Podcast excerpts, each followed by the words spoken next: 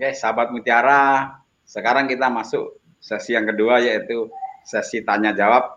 Silakan eh, sahabat Mutiara kirim pertanyaan di kolom komentar. Nah, kita lihat nanti ada yang bertanya atau belum, Pak. Tapi sebelum ada yang bertanya di eh, Pak Catur Dian Mirjada nih. Tanya Pak Kur, ini bos saya nih Pak. Sudah habis berapa duit uh, membuat buat farm uh, hingga saat ini Pak? Apakah masih beruntung? Apakah budget rupiah per pohon berapa budget rupiah per pohon durian ini Pak? Hmm, berapa ya? Saya nggak notalin sih ngitung sih ngitung tapi nggak belum ditotal. tapi kalau tadi saya sampaikan bahwa kebun ini adalah dedikasi eh, kepada istri saya hadiah ulang tahun pernikahan sih. Ya saya pikir hmm. juga bisa hemat apa budget jalan-jalan jadi ke kebun terus gitu ya. Ternyata lebih mahal daripada cowoknya. Tapi kurang lebih sebulan 20 juta. Oh iya, tadi ya ibu happy sekali di kebun durian tadi pak. Sambil menghitung durian sambil ketawa pak. Wah ini berapa nih? Satu dua tiga empat lima. Dia kan lebih betah di kebun daripada di rumah nampaknya nih pak Gornia iya. Ya itu tadi saya bilang kembali saya lebih di laut. Saya demen mancing diving renang saya lebih suka. Di kebun aduh. Uh. ya tapi ya mau mau ya akhirnya lama-lama enjoy juga suka juga. Enak juga. Enjoy juga pak ya? Enjoy enjoy pak. Banyak enjoy pada daun soalnya segar kalau nggak dia enjoy enjoy gimana Ya, tadi Mas Catur nanya budgetnya berapa tadi? Totalannya berapa? Banyak juga iya. Oh, banyak. Iya. Tapi setelah tanaman tumbuh udah hilang budgetnya udah lupa, Pak ya. Wah, enjoy-nya ya. ya ada, Pak ya. Aduh, itu itu itu apa namanya? Ya priceless.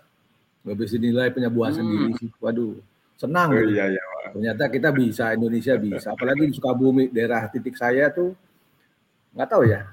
Curah hujannya termasuk tinggi ya jadi di tempat saya hujan di Parung Kuda belum tentu hujan. Nanti ketemunya lagi di Bogor hujannya. Oh, dekat sama ya? Bogor kayaknya hujannya. Hmm, hujan terus masih. belum total Pak Catur, belum total. Mungkin ini Pak. Hmm. Oh, mungkin gini Pak, Gor Pak Catur nanya itu pengen juga bikin seperti itu Pak ya. Oh iya. Pak Catur itu saya loh sebenarnya lo Mbak. Ini sebenarnya ada yang bertanya lagi nih Pak tentang uh, durian ini dari Pak Edwin H. Megawe Pak. Pak Gor, di Sukabumi tanam durian uh, berapa meter di atas permukaan laut ini Pak? Di Sukabumi Pak. Kira -kira, yang paling tinggi 565 meter dari permukaan laut. 500. Ada yang kurang dari itu. 500. Jadi paling tinggi dari yang yang selevel sama rumah Limas itu di 565. 565 Pak ya. Ya, kita Pak Megawe. Sorry, ya di Mendem. Ya, Pak Edwin Megawe ini Pak Kur di atas ketinggian 565 di atas permukaan, uh, permukaan laut ya. Mungkin Pak Kur udah udah survei lokasi udah dihitung lah Pak ketinggian situ mungkin sangat cocok Pak Kur kalau ditanam durian Pak ya. Sebenarnya tanahnya udah duluan baru surveinya belakangan. Mateng. aduh, aduh. Makanya aku baca-baca di grup, grup grup di WA aku, aduh ngintip-ngintip yang Waduh, katanya ini lebih cocoknya di sini. Waduh, udah tanem ya. ya udah, nikmatin aja. Iya nikmat. Tapi ya kalau ketinggalan itu cocok sekali Pak. Daerah rasa ketebalan di Solo itu dapat itu Pak. Nanti, Pak. Gitu ya. Ya mudah-mudahan sih sesuai dengan gitu. Nyenang-nyenangin hati juga Pak. Oh, ada udah panen Pak kemarin Pak ya? 2020 udah perdana. Udah Pak ya, oh, perdana ya. Pak ya perdana hmm. 2020. Rasa gimana? Tebal gimana Pak? Rasa sama warna gimana Pak? Uh, kalau dari yang bilang sih banyak macam ya. Jadi memang susah nih hmm. kalau lidah orang susah sih. Jadi saya cuma iya, lihat iya, lidah istri saya aja nggak usah lagi lidah orang. Enak nggak? Enak. cukup itu cukup, cukup udah saya. Orang mau ngomong apa oh, iya. aja. Iya. Orang kebunnya buat iya, istri kan bukan bukan buat orang. ya buat orang juga apa karena pengen juga nyicip kan eh, kawan-kawan ya, kan. ya, ya. istilahnya kan nggak sempat nanam durian alokasinya nggak ada atau motivisnya belum ada nanam durian kan. Pengen juga nyicip kan itu. Tapi kalau ida istri bapak saya kira cocok karena udah penikmat durian dari tadi masih muda pacaran udah udah berkeliling dari negara negara lain untuk cari durian kan itu pak. Udah iya, merasakan Uh, durian enak seperti apa kan itu pak. Betul betul di Instagram sih kalau di, ditelusuri bisa dilihat sih ada beberapa testimoni tem, uh, yang sudah beli ya, yang yang Iya Pak. Yang, uh, dari dari dari yang pembeli kita sih. Ada beberapa yang kita posting sih. Oh. Di Instagram tadi apa Pak? Uh, di apa di apa lagi Pak? Di Nanti Durian Woodhouse. Oh, Durian Woodhouse. Durian Pak, tidak ada farmnya. Durian Woodhouse Pak ya? Durian Woodhouse. Hmm. Ya. Oh ya, siap siap Pak. Hmm. Oke, sahabat mitra, ini uh, ada pertanyaan lagi dari Pak Caturdian uh, Mirjada nih Pak. Tanya Pak Kur, anghainya sudah berbuahkah Pak? Uh, apakah seenak di, dari penang Pak? Anghai Pak. Jadi eh, terlambat memang kemarin itu kan apa yang buah kemarin pertama itu 2020 kan sebagian ya. Berapa pohon hmm. ya? Kurang dari 20 pohon lah yang dicoba hmm. dibungakan gitu. Anghai nggak ikut gitu. Oh. Baru musim sekarang ikut gitu. Jadi belum tahu nih Pak Catur. Mudah-mudahan sih. Kemarin ngintip minggu lalu pas panen padi sudah mulai mentol-mentol. Oh, udah mulai. Ada harapan. Nanti saya report. Nanti saya report begitu enak apa enggak gitu. Oh, iya. Kalau anghe nggak nggak terlalu suka, istri saya nggak suka yang tanam anghe. Kenapa? Anak saya ah. yang nomor pertama yang tinggal di di Singapura itu, ya, ya, Pak. dia pesen, dia pesen, Pak tanam itu dong, katanya red prawn. Hah? Red prawn kan manis lempeng, bilang, aku suka ya. Tanemin. Ada 20 pohon tapi tinggal berapa? 15 atau berapa pohon? Hmm. Anghe. Tanam. Pak ya? Iya belum. Tapi kan udah ada bapaknya bakal bakal buah kan udah ada harapan ini Pak. Tinggal eh. beberapa bulan lagi untuk kita panen kan itu Pak. Ya. Mudah-mudahan amin. Nih dicatat Pak Catur mungkin ini Pak ya apa namanya. Arti sudah keluar bentar bunganya kan bisa dihitung berapa kapan panennya kan itu Pak. Saya utang janji loh sebenarnya kemarin nggak ketabrakan sama Covid saya udah siapin saya mau terbang ke sana ke ke Medan bawain oh, Pak Catur ya sama teman-teman hmm. Edi Kokindra, Bang Antoni sana nyobain. Oh. Ya. Hmm, hmm, hmm, hmm. Saring masalah durian juga Pak ya? Iya dong. Beliau guru-guru saya kiblat kita kan Sumatera Utara nih durian. Iya. Ini ada dari Pak Eyang Raksa. Terima kasih Pak Eyang Raksa. Pak Gur, bagaimana rasanya pas panen durian buah pertama dan rasanya apa supaya bisa menikmati buah pertama nih Pak? Rasanya gimana? Rasanya deg-degan. Terus terang pertama kali tamu yang ah. datang pertama kali itu siapa? Durian Avengers ya? Waduh saya ngintipnya dari jauh tuh ngeliatnya begini nggak berani lihat.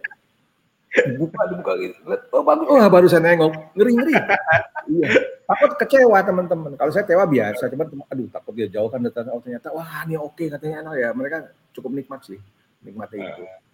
Kalau rahasianya apa nggak ada rahasianya semuanya udah tertulis jelas tuh di di websitenya Meroket Tetap Jaya tuh ada. Saya oh. ngacu dari sana ngikutin pola polanya oh, iya. setahun empat ah. kali. Selama selama duriannya sehat, dicukupi unsur haranya dan mikronya tentunya, ya alam mendukung. Ya, mm -hmm. ya itu tadi tinggal dibuka hasilnya. Mm. Usaha sudah optimal, cuaca mendukung, ya tinggal rezekinya. gitu rezekinya sama usahanya Pak ya, sama maksimal iya. rezekinya pengadaan itu Pak. Tapi saya selalu dengan Pak Korni.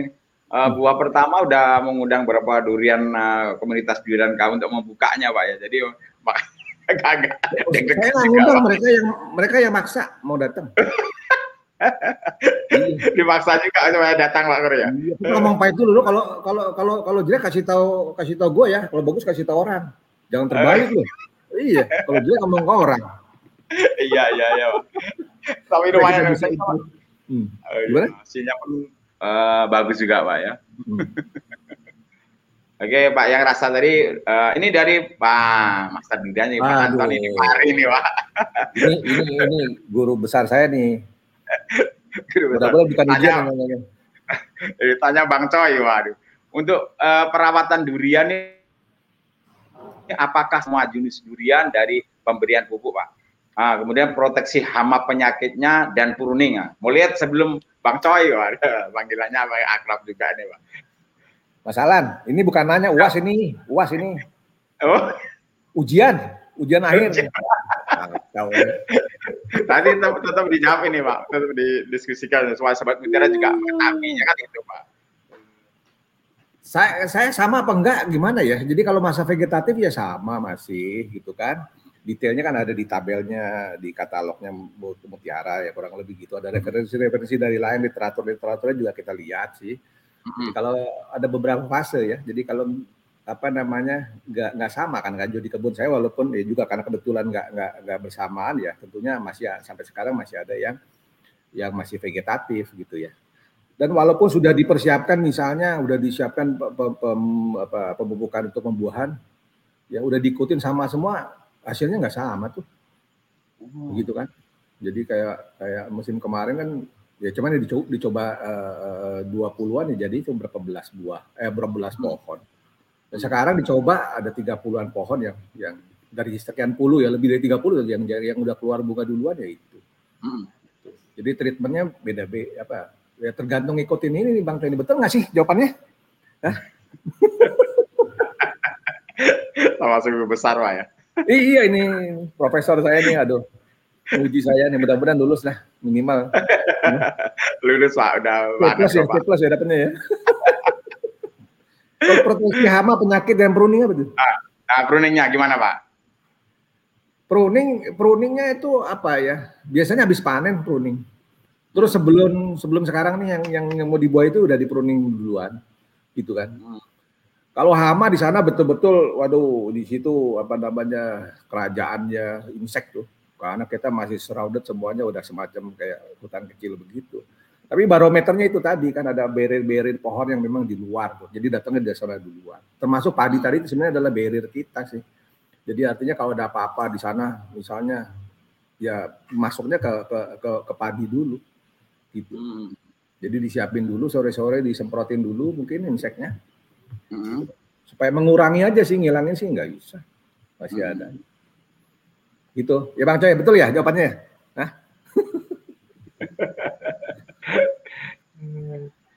Oke, Pak Kor itu pertanyaan Pak Anton Bari. Ada lagi Pak Tony Hendrawan ini, Pak. Bos Bali nih.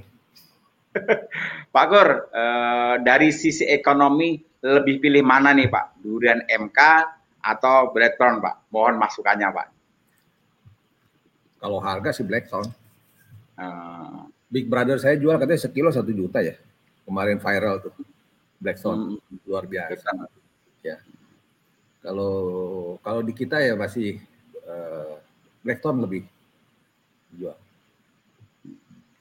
Lebih lebih menurut saya karena karena apa? Uh, biaya operasionalnya sama.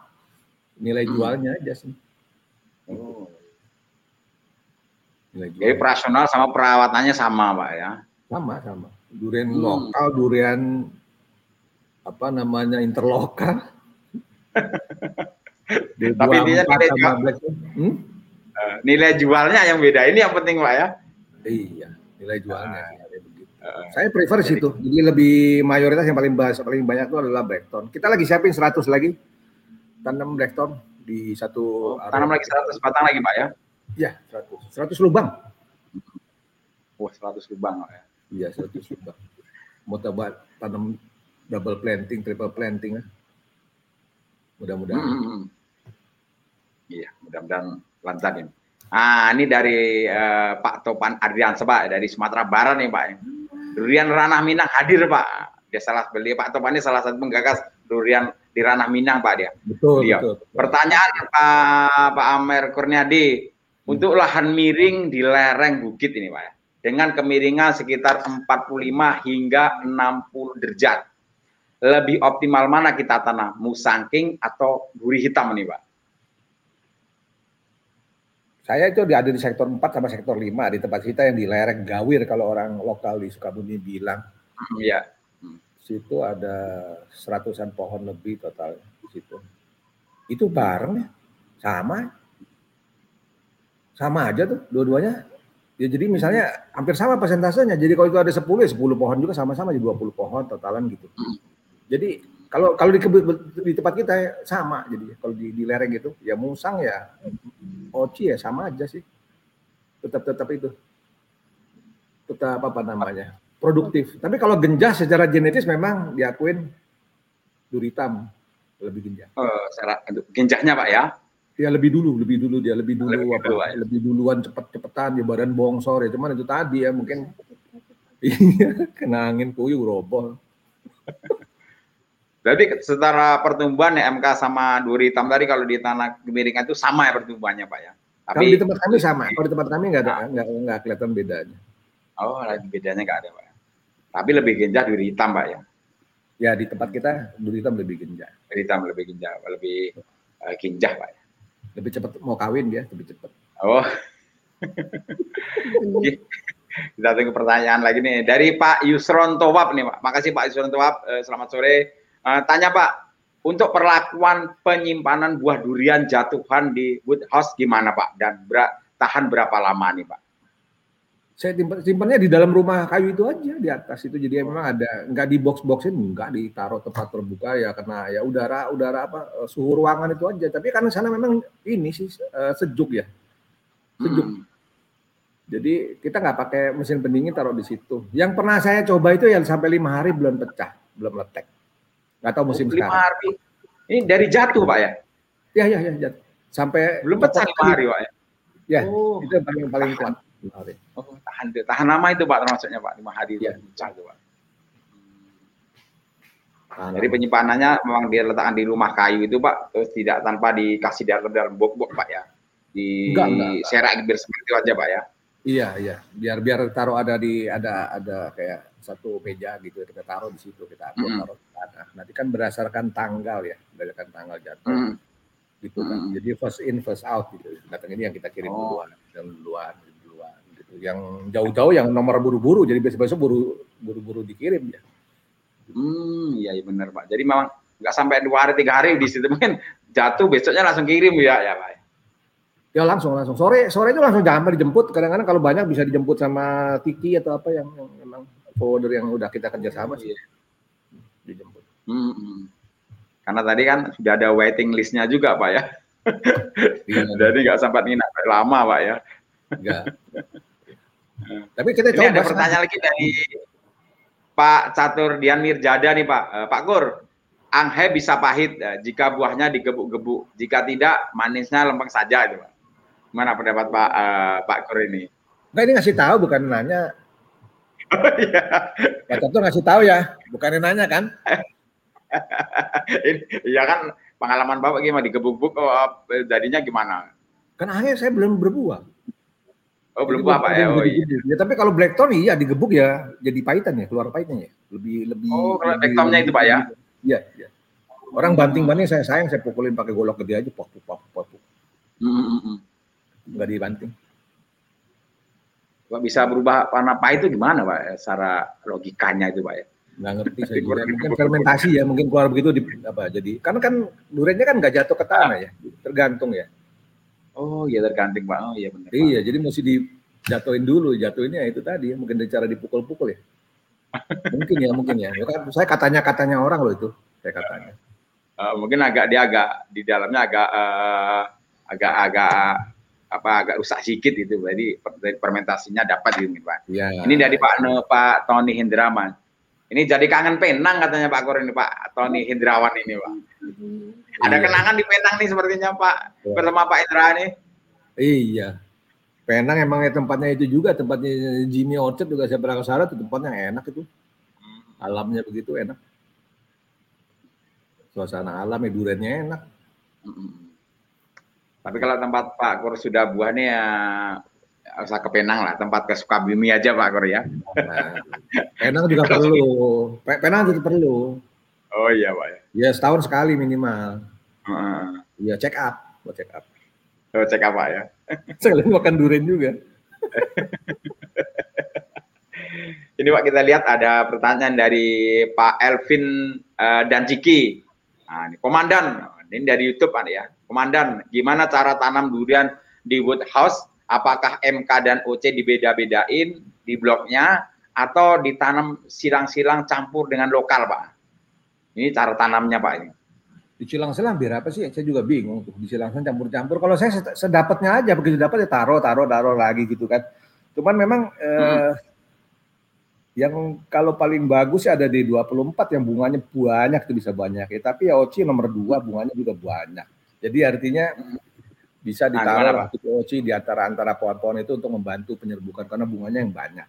Itu sih konsepnya kalau mau dicampur-campur kan maksudnya gitu. Jadi Gimana? Oh, bukan satu blok ini misalnya OC aja, ini satu blok uh, Blackthorn aja gitu pak? Ini dulu, silang-silang. Black dulu saya OC. Gimana Pak? Dulu, dulu saya nggak begitu. Tanam-tanam aja hmm. sih. Oh uh, iya Pak. Tanam-tanam aja. Cuman itu tadi ada beberapa yang memang diselip. Oh diselip Pak ya. Hmm. Kalau saran Bapak gimana bagusnya itu Pak? ada ada pohon ya barangkali ya loh kan ini katanya lagi katanya lo ya saya juga ah, katanya.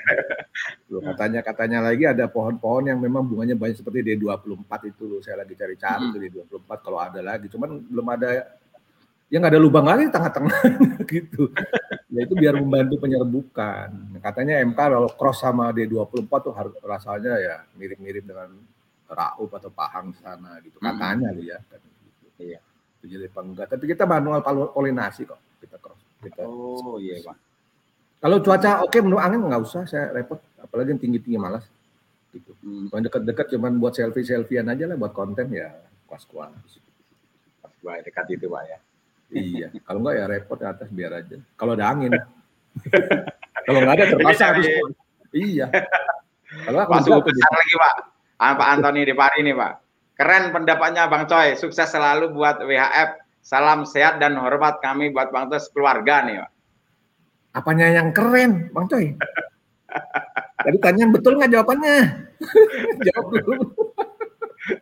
Salam sehat juga buat keluarga di Talun Kenas. Sehat selalu. Baik Pak, ada pertanyaan lagi Pak. Ini ramai pertanyaan gitu uh, dari Pak Edwin Hamigawe. Pak Kur, untuk sistem keamanan durian sampai sejauh apa nih Pak? Terutama hmm. masa generatif yang rawan dengan pencurian ini Pak. Ini perlu di uh, terkitikan seperti apa Pak di kebun Bapak ini? Itu hama yang paling sulit. Iya iya Pak. Nggak ada dijual di Tokopedia, di toko online nggak ada yang jual obat anti maling nggak ada yang jual. Kalau ada saya mau beli. Oh, iya Pak. Kita pelihara yang kaki empat, ada tujuh ekor di sana. Iya. Oh. Saya dulu juga suka suka suka nge, apa ngebreed itu uh, Rottweiler, cuman saya pikir wah terlalu lah kalau sono nanti ya. mana-mana gitu kan. Uh, kebun kita nggak pakai slab beton, ukur kalau dihitung-hitung itu mungkin satu alpat habis kalau kita nggak usah lah. Kita pakai ya, ya, pohon hanjuang, kita pakai bambu-bambu dikeliling itu diselip di apa diikat di sana. Terus hmm. memang uh, kalau pengalaman kemarin tuh ya kita taruh beberapa titik ya yang termasuk hmm. di luar-luar gitu yang yang, hmm. yang perbatasan yang area kemungkinan orang masuk gitu kan itu ditaruh beberapa ekor di situ paling nggak jadi alarm kalau musim begini ya eh, pasti pasti gini pasti orang jaga di kebun kalau udah besok udah buahnya besar besar hmm. begitu susah tuh itu yang satu hama itu memang belum. Tapi so far kemarin baru satu kali sih kan buahan kan. Yang kemarin dikit cuma 35 buah. Hmm. Ya sepertinya sih nggak ada nggak ada yang lepas ya, nggak ada yang hilang. Oh, alhamdulillah. Iya. Karena dicatat serah terima. Pohon oh. nomor ini ada sekian ya, tanda terima. Nah, jangan sekian. Nah, tuh belajar belajarnya ke Thailand tuh buat numerasinya gitu. Oh itu trik juga itu benar Pak. Baru itu trik pertama dari kaki empat tadi kalau masa generatif ada yang jaga yang jaga bapak juga juga tadi masalah ini pak berapa durian ini berapa yang keluar uh, itu udah pak catat pak ya itu salah satu triknya juga itu pak ya masih sedikit nggak tahu ternyata kalau udah ratusan juga buyang juga mesti pakai RFID atau pakai apa barcode atau apa gimana nggak ngerti juga gimana caranya tambah kalau udah ratusan pak tambah anggota lagi pak iya iya sih Ya bisa berdayakan dari masyarakat sekitar bisa. Tapi waktu pernah ngomong sama Pak Aheng ya, waktu ke PNS kata bilang ya loses ya, ya hitung aja loses lah katanya pusing-pusing, dia nggak pusing. itu Pak ya. Iya, dihitung sebagai ongkos. Oh iya Pak. Ini ada pertanyaan lagi Pak dari Pak Hadi Hardiana nih Pak.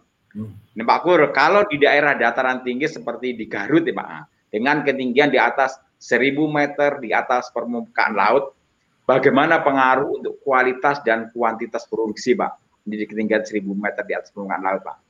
Saran Bapak gimana ini? Itu Bang Antoni itu yang udah 1000 meter tanam kemarin tuh. Cuman apa ya? Pemahaman saya ya mungkin barangkali akan sulit ya.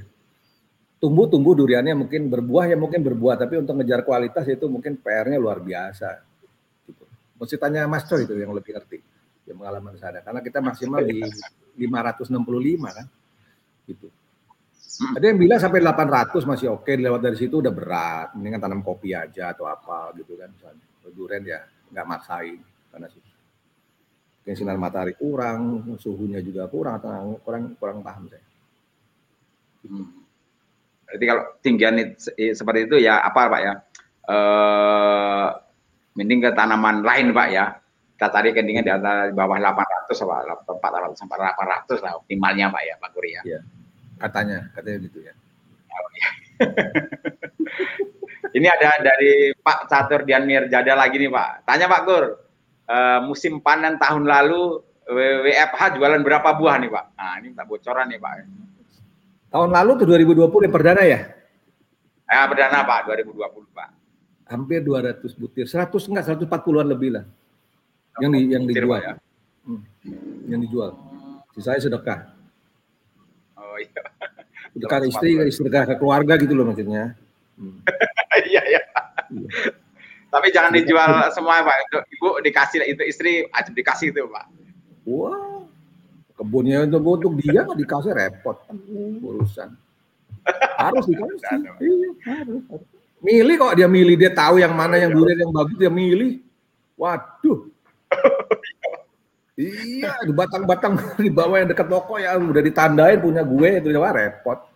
Ya udah, wes oh, itu, itu ya. aja. Hmm, yang minggir-minggir sedikit atas sedikit boleh yang itu udah di tag. Iya.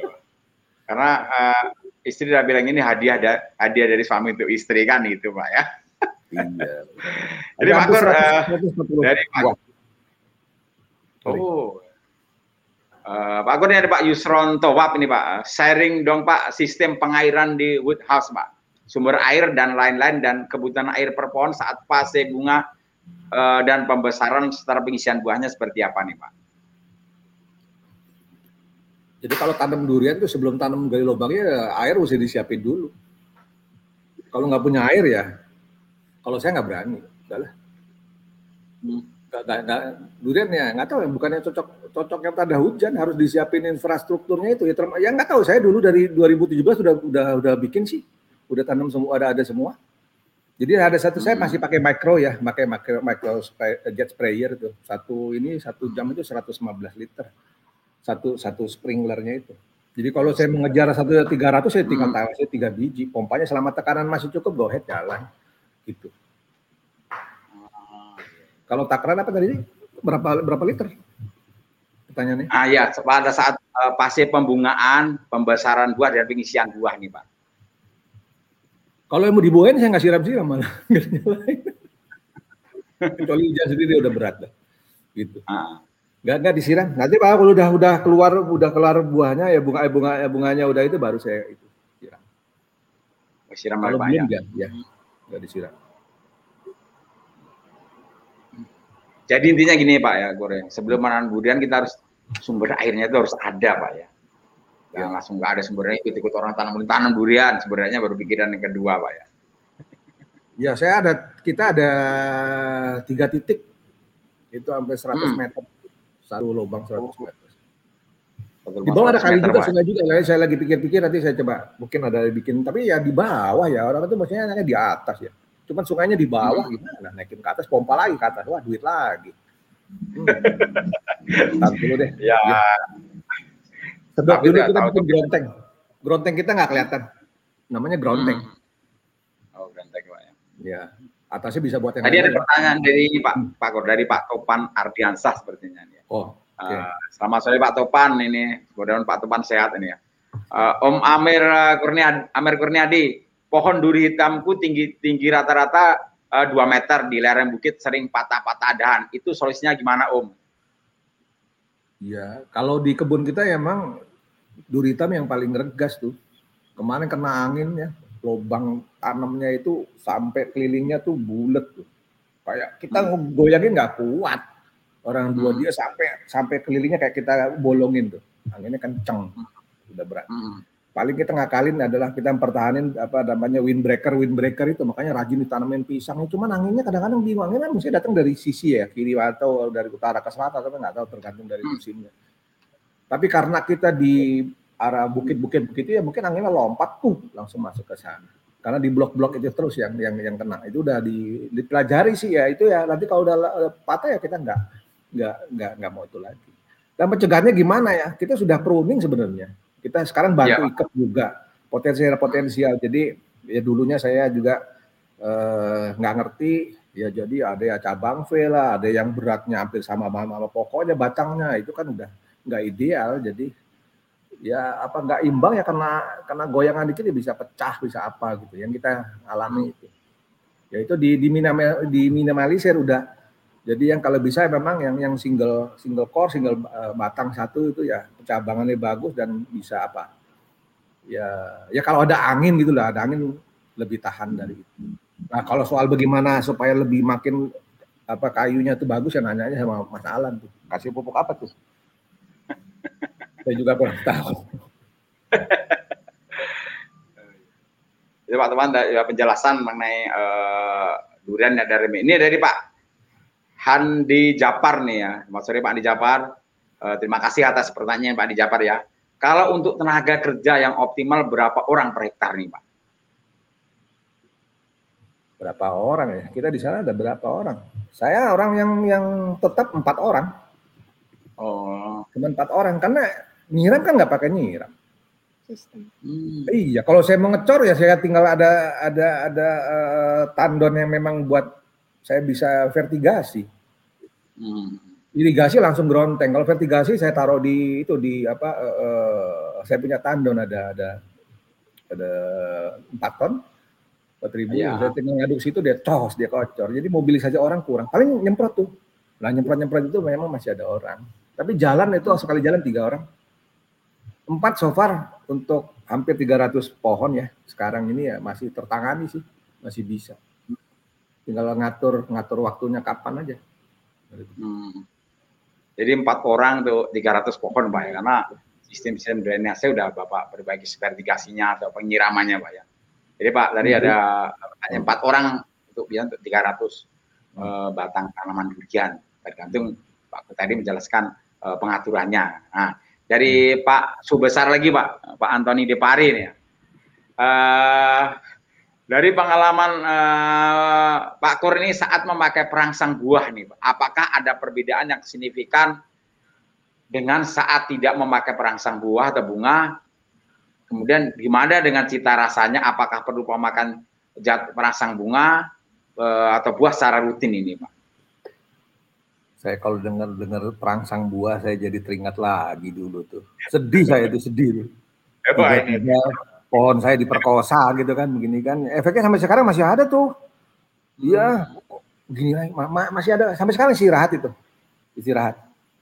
Istirahatin ya belum fit betul gitu. Saya saya istirahatin yang kayak gitu. Kalau buahnya kemarin sih nggak nggak nggak saya nggak nggak lihat ada perbedaannya bang Coy dari pelanggan juga nggak ada nggak ada nggak ada komplain.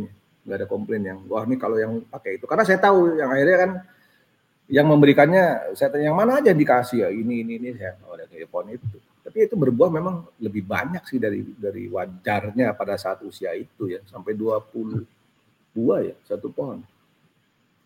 Itu. Sekarang istirahat.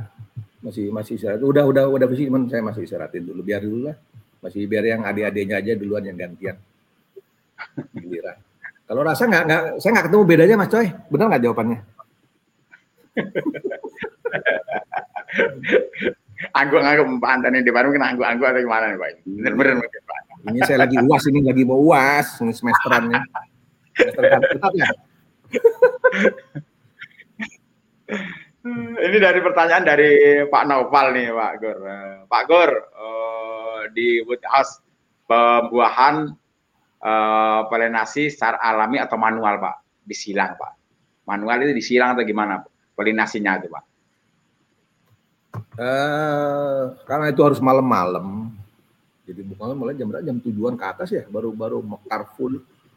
Baru dilakukan itu kita kurang orang, malam cuma jaga dua orang. Terus juga kebun segede gitu, segelap gitu, walaupun ada 32 PJU di kebun itu ya tetap aja nggak akan kekejar. Jadi kita ngandelin alam sih, ngandelin alam. Jadi kalau ada yang kita itu saya cuma buat selfie, ya buat konten. Gaya-gayaan kita oleh polinasi. Kalau kalau saya lo ya kalau kita kita bikin ya, ya, harusnya mungkin ada orang yang di cross pollination mungkin lebih bagus. Cuman kita nggak nggak cukup orang. Hmm. dan kadang-kadang apa yang kita mau cross ya soalnya ada kejauhan ngambilnya. Iya pak. Ya mungkin mungkin dikumpulin dulu ya. Mungkin sebesar hari dikumpulin dulu yang ini yang dari mana Blackton nanti baru cross misalnya ke Musa. Misalnya begitu. Ada yang kemarin yang uh, musangnya agak-agak orange ya warnanya.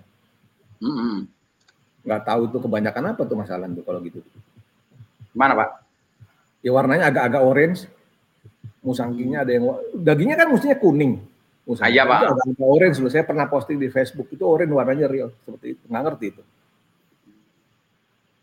Sebenarnya kalau uh, warna itu memang dipengaruhi kalium pak kalau biar kan kita mbah bapak udah paham lah kalium bebas klor gimana durian itu kan itu pak hmm.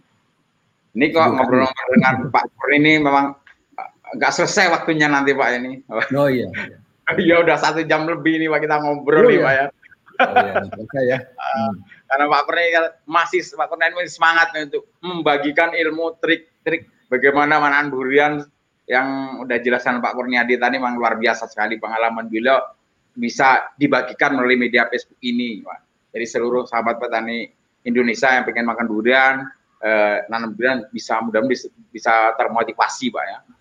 Oke, sahabat mutiara di Indonesia, eh, sebelum saya akhiri temu tani online ini, kesimpulan daripada episode yang ke-47 tentang durian ini, House Farm ini tepat sebagai pilihan sahabat mutiara untuk melepaskan penat dan uh, relaksasi karena di sana menawarkan keindahan alam sambil menikmati buah durian. Hmm, gak terbayang begitu asiknya, begitu nikmatnya kan. Selain itu untuk mengembangkan kebun durian, salah satu yang menentukan adalah faktor uh, pemupukan jangan berlebihan dan jangan kekurangan. Kenali kebutuhan tanaman durian yang Anda tanam agar hasilnya ini e, lebih optimal. Itulah e, kesimpulan daripada episode e, yang ke-47 ini. E, sahabat Mutiara dan episode ini dirasa bermanfaat. Bagikan video ini sebanyak-banyaknya di media sosial Anda supaya menjadi motivasi kami ke depannya untuk memproduksi lebih baik, banyak lagi video-video edukasi. Ikuti terus kami di media sosial. Ayo follow mereka tetap jaya di Instagram, like di Facebook, mereka tetap jaya. Anda yang hobi nonton YouTube atau bermain-main YouTube, jangan lupa like video ini, subscribe channel NPK Mutiara TV.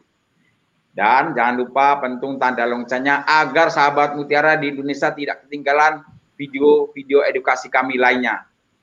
Pesan kami yang terakhir sahabat Mutiara di Indonesia adalah stay healthy, terus jaga jarak, sampai jumpa dan tunggu terus edisi Temu Tani Online edisi berikutnya. berikutnya. Terima kasih sahabat Mutiara, terima kasih banyak Pak Amer Kurniadi. Sama-sama Mas Alan, terima kasih sahabat Mutiara. Sukses semua Indonesia maju, sembada durian. Siap. Ah, sukses juga untuk Pak Amer Kurniadi yang sudah membagikan resep nanam duriannya juga membuat konsep taman duriannya nih Pak ya kita tunggu Pak uh, untuk dibuka umum untuk umum lagi Pak ya. Mudah-mudahan saya bisa umur panjang bisa uh, ke ya. tempat uh, Bapak ini ya. ya. Oke, itu adalah informasi dari kami sahabat Mutiara di Indonesia. Terima kasih sahabat Mutiara. Wassalamualaikum warahmatullahi wabarakatuh.